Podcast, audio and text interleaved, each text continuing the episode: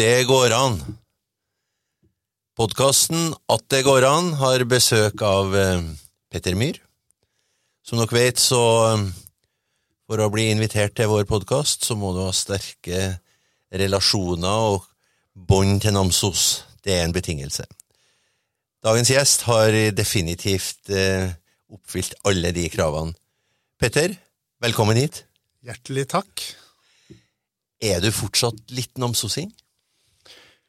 Eh, absolutt. Ja. Jeg er namsosing. Jeg kommer alltid til å være namsosing. Eh, Jeg er også trondhjemmer, da. Ja. Eh, men jeg bodde 20 første årene mine i Namsos. Kanskje de årene som prega deg mest?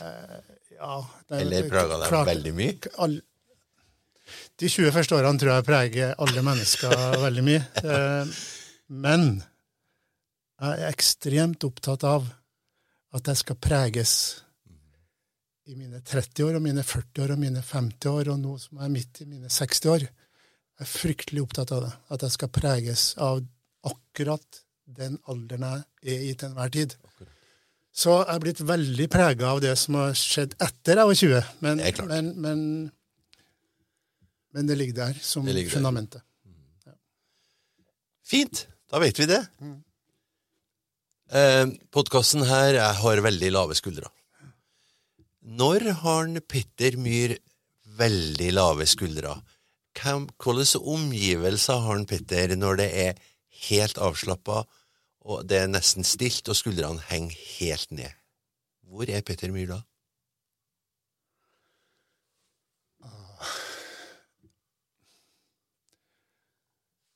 Det der er et vanskeligere spørsmål enn du tror. Det.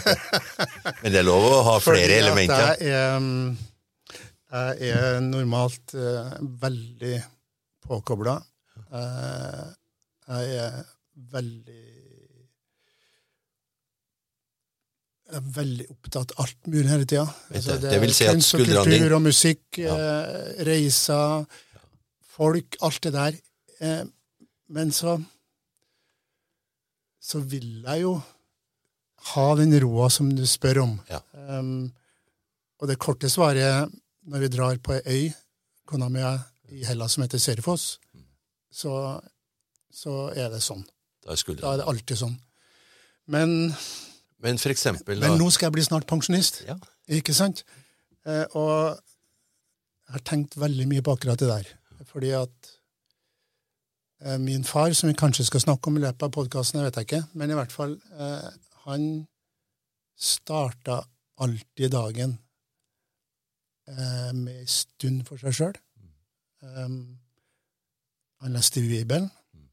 Han ba for dem han var glad i, og dem han tenkt, trengte. Eh, tenkt på andre mennesker eh, hver eneste dag mens han var i arbeid. Og jeg har tenkt ofte på det at han, hver dag så trener han på å være et bra menneske. Du må øve på det. Og det gjorde han hver dag. Mens jeg starter dagen med å lese eh, fem, i hvert fall seks, eh, papiraviser fra Norge, Sverige, Danmark, England før jeg står av senga.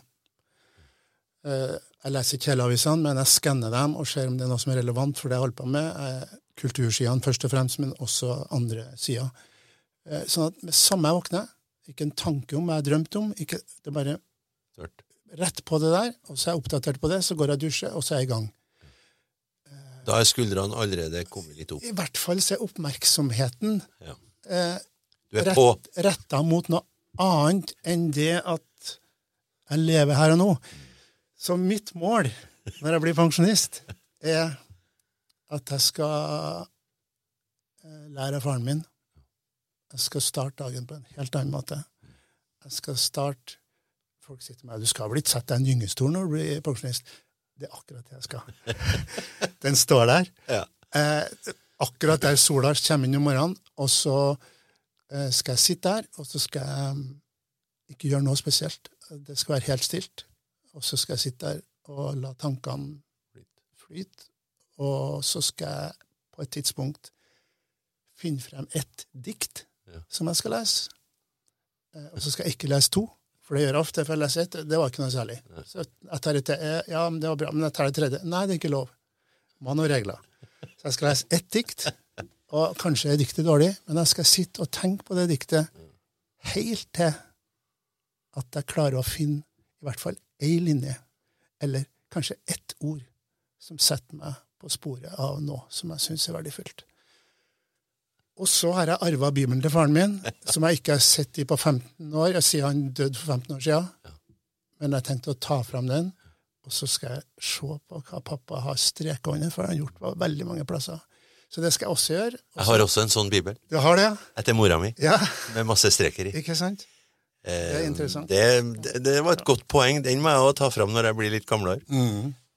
Peter, eh, jeg prøvde å lirke ut av deg eh, at når skuldrene var som lavest, så var du nært bortpå å ta fram en Bob Dylan-melodi.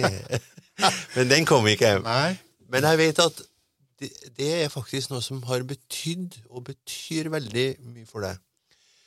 Er det melankolien i, i Dylan som trigger deg, eller hva er det som trigger eh, deg når det gjelder Dylan? Han er jo veldig stor og veldig mangearta, men det her melankolien er noe som går igjen. Ja. Eh, melankoli er jo eh, Jeg er en melankoliker. Jeg var ikke når jeg vokste opp. Nei? Eh, når mora mi døde, når jeg var 17 år og to dager, eh, så var jeg helt eh, ødelagt. Eh, men jeg ble ikke melankoliker da heller. Det tok et år eller to, så ble jeg det. Og så ble jeg utrolig melankolsk. Um, og Bob Dylan har jo det, men han har andre ting òg. Altså, han har eh, aggresjon, han har eh, hele spekteret, egentlig. Altså, han er veldig på og veldig av. Høye skuldre og lave skuldre. Så han, så han er veldig rik på den måten. Men det er sant at jeg liker utrolig mye forskjellig musikk. Altså utrolig mye forskjellige sjangre. Ja. Men det som jeg virkelig liker, har den fellesnevneren at det er veldig trist og veldig sakte. Ja. Jo tristere og jo saktere, jo bedre. Men Bob Dylan øh, berga meg på gymnaset når jeg gikk på Namdal gymnas. Det kom en lærer og satte på ei plat. Ja. Og jeg, jeg må si Selv om faren min var vaktmester der, og jeg vokste opp på den skolen, så syns jeg det var helt grusomt. Det var helt forferdelig. Og jeg skulle slutte hele tida. Um, men en dag så kommer engelsklæreren min, som veldig ofte var ute etter meg, for jeg gjorde jo faktisk aldri lekser, og var gjerne borte den dagen vi hadde prøve. Og det er fakta. Så det, han hadde jo sine grunner til å ikke være helt fornøyd med meg. Eh, Men en dag kom han inn med en eh, spolebåndopptaker, en magnetofon, som det het, og så bare bærer den inn. Og så ble jeg så sykt letta, for nå skal jeg ikke høres som lekser jeg ikke har lest. Nå skal vi ha en annen time. Vi skal høre på noe musikk fra Amerika. Han sa ikke hva det var engang. Og så bare satte han på det der. Og jeg sitter jo selvfølgelig bakerst på kateterrekka, der du kan gjemme deg mest for læreren. Kikker ned i pulten, eh, og så kommer den der lyden av en sprø gitar og et varmt orgel, som jeg tror også var litt viktig. Og så en oppløftende melodi, og så en stemme eh, som jeg tenker på fylt av jord, eh, som sang en trist sang om en ny morgen. Sånn at, eh, Og den kombinasjonen der, da. Det var en, det var en New Morning, het den. En helt middels sang på en helt middels plate av Bob Dylan. Men det var den sangen, og, og det, den heter New Morning, handler om at jeg får oppleve en ny morgen. Eh, og det fikk meg til å bare Ingen i klassen visste hva som skjedde, men jeg visste hva som skjedde. Og jeg kikka til venstre ut gjennom vinduene, og jeg så at det var sol, og det var grønt ut. Og jeg, det har ikke jeg lagt merke til. Så jeg bestemte meg for at ut der, utafor der, utafor skolen her, så finnes det en ny morgen for meg. Jeg skal bare holde ut til det her er ferdig. Og det gjorde jeg. Jeg innbiller meg, da. Men man lager jo seg fortellinger etterpå. Men, men jeg tror at jeg ikke hadde fortsatt på gymnaset hvis, jeg- hvis ikke engelsklærerne hadde kommet og spilt den låta. Og hvis jeg ikke fortsatte på gymnaset, så har livet mitt vært totalt annerledes. Fikk du et slags kall på hvordan muligheter du hadde i livet der og da? Et slags kall? greip du en sjanse som Du så jo ikke alle mulighetene da, men det var en lysning i den tunnelen som ble åpna. Katalysatoren var Bob Dylan. Eh, Det var helt klart en katalysator. Men jeg så eh, Jeg så ingen muligheter for meg. Nei. Det var bare at verden min var Ja. ødelagt. Den var knust. Ja. Det var temmelig meningsløst. Ja. Sånn at alt som kunne sette sammen noen biter eller lage en viss mening i livet mitt, Ja. Var bare superviktig. ja.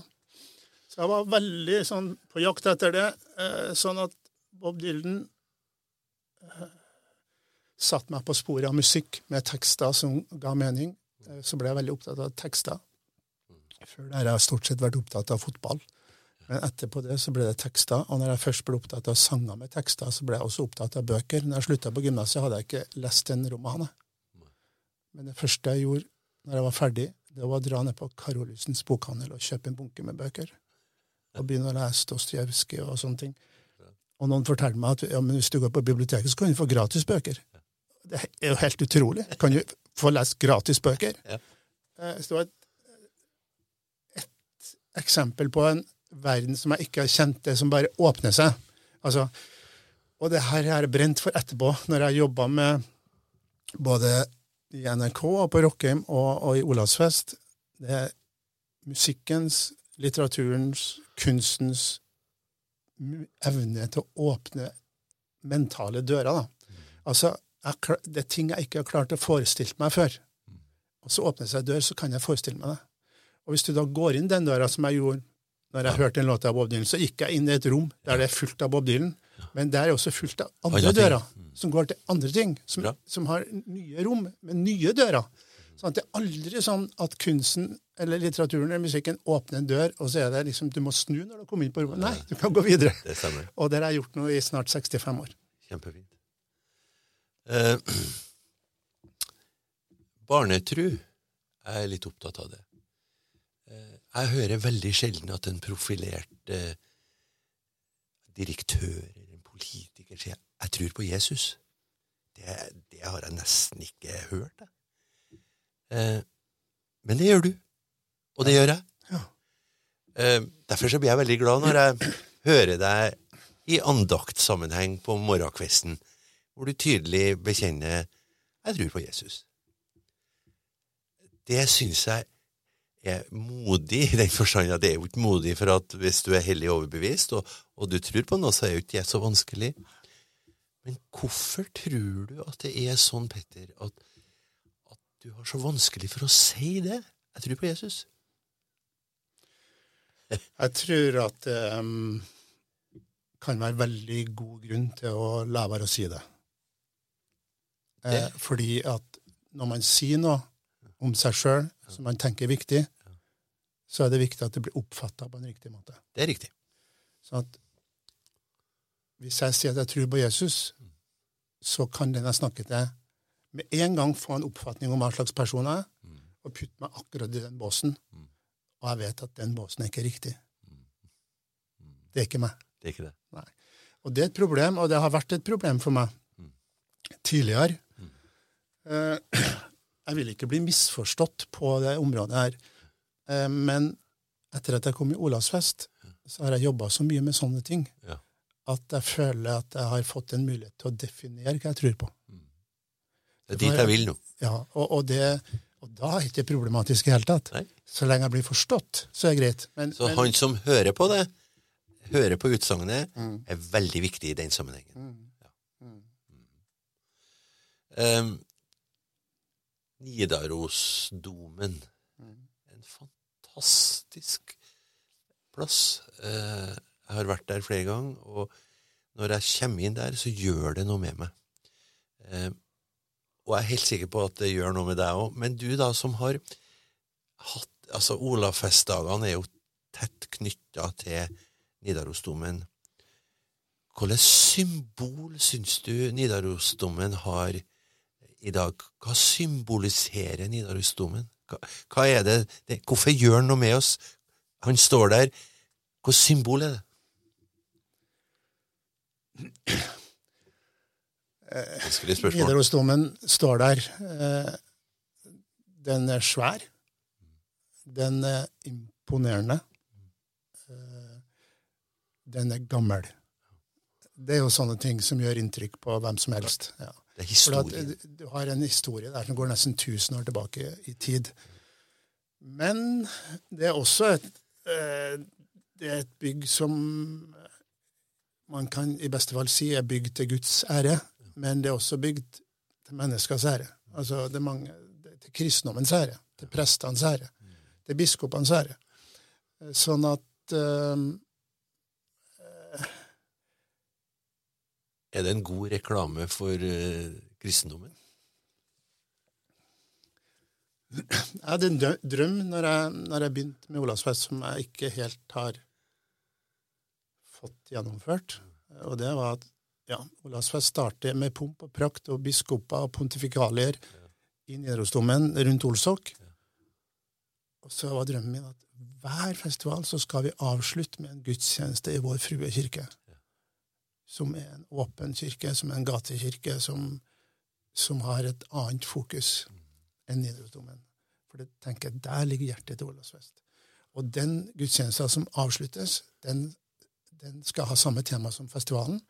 Og man skal ta opp i seg ting som har skjedd gjennom hele uka. sånn at, sånn at det blir på en måte satt inn i en gudstjenestelig sammenheng til slutt. Vi gjorde det i 2016, når vi hadde Mammon som tema. Eh, Da hadde vi et band fremme der istedenfor en organist. Vi hadde Moddi og Ida Maria som solister. Vi hadde korister. Vi hadde istedenfor tre bibeltekster som ble lest, så var det et utrolig vakkert dikt av Marit Kallhol eh, som heter Den hvite duken.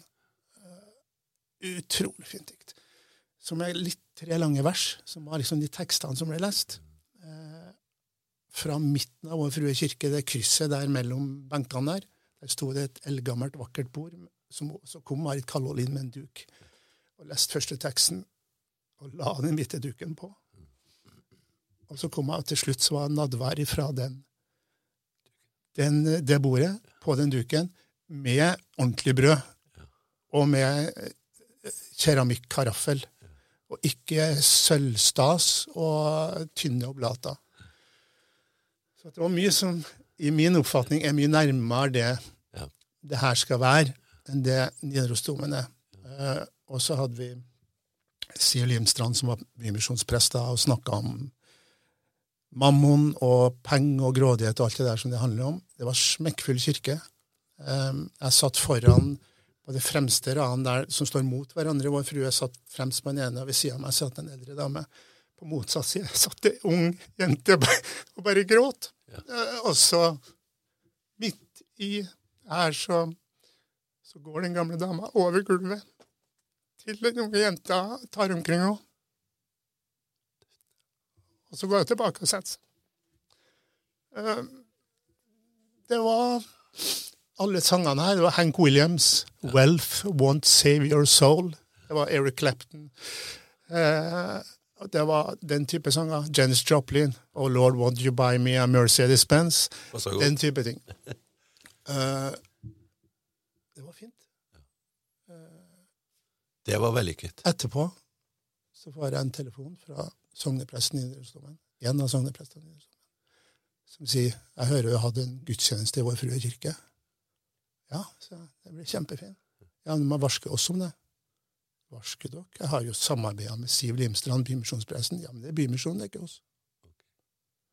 Så det må du gjøre. Um, og så fikk jeg kritikk fordi at vi ikke har lest bibelvers. Uh, vi har lest et dikt. Så året etter, når vi skulle gjøre det samme, så fikk jeg krav om at ja, men dere må lese bibeltekster, ikke dikt. Ja, men de er jo basert på bibeltekstene, dikta her. Ja. Ja, men det hjelper ikke. Jeg sier, men da blir det ikke en avslutningsgudstjeneste. Sier jeg ikke vært. Og jeg forteller den historien fordi at det sier noe om det som har vært litt krevende i, i, i å stå i, i det her. Jeg skal spørre deg om noe. Når jeg kommer inn i Nidarosdomen, så fyller jeg meg med et eller annet som er litt sånn udefinerbart, men Jeg blir veldig rolig, jeg føler meg veldig lett, jeg føler meg glad.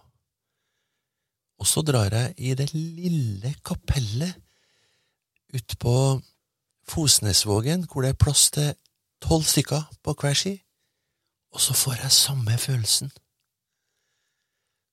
Og da tenker jeg det kan ikke bare være det store huset eller det lille huset, det må være noe annet. Hva er det? Hva tror du det er, Peder? Jeg tror jo at Bare, bare skjøt på litt. Begge to er et gudshus. Ja. Det er et hus hvor Ja. du er glad, du er trist, du får trøst, du kan være forbanna deg i det huset. Det er noe der, altså Det at du har et stort hus og et lite hus, og så får du samme følelsen i begge bygningene. ja.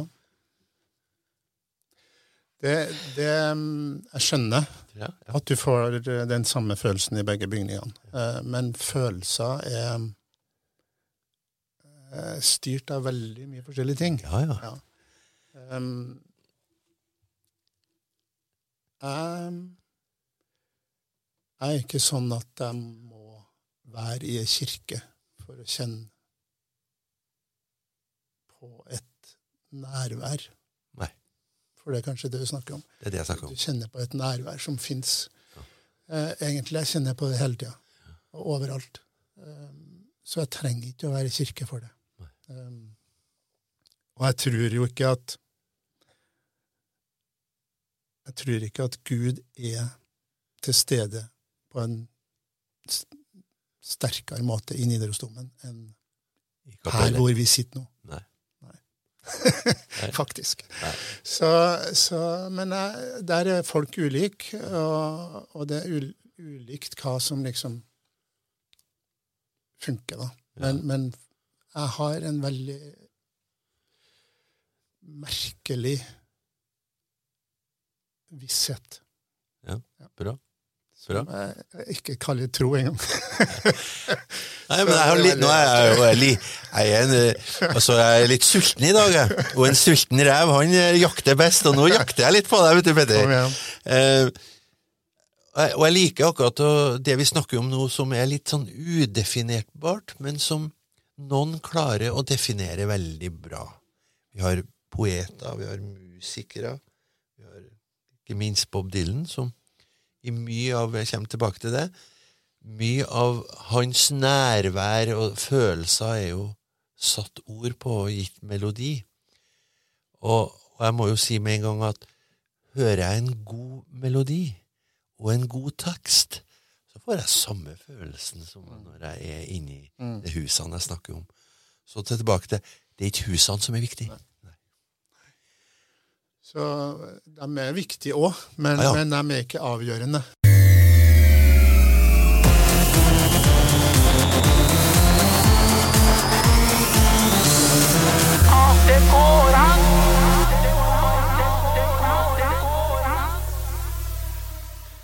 Denne podkasten er laget i Motolab Studio Namsos.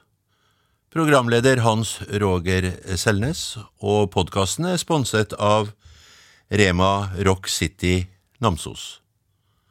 Du finner eh, våre andre podkaster på vår hjemmeside og andre vanlige podkastplattformer. Riktig god fornøyelse.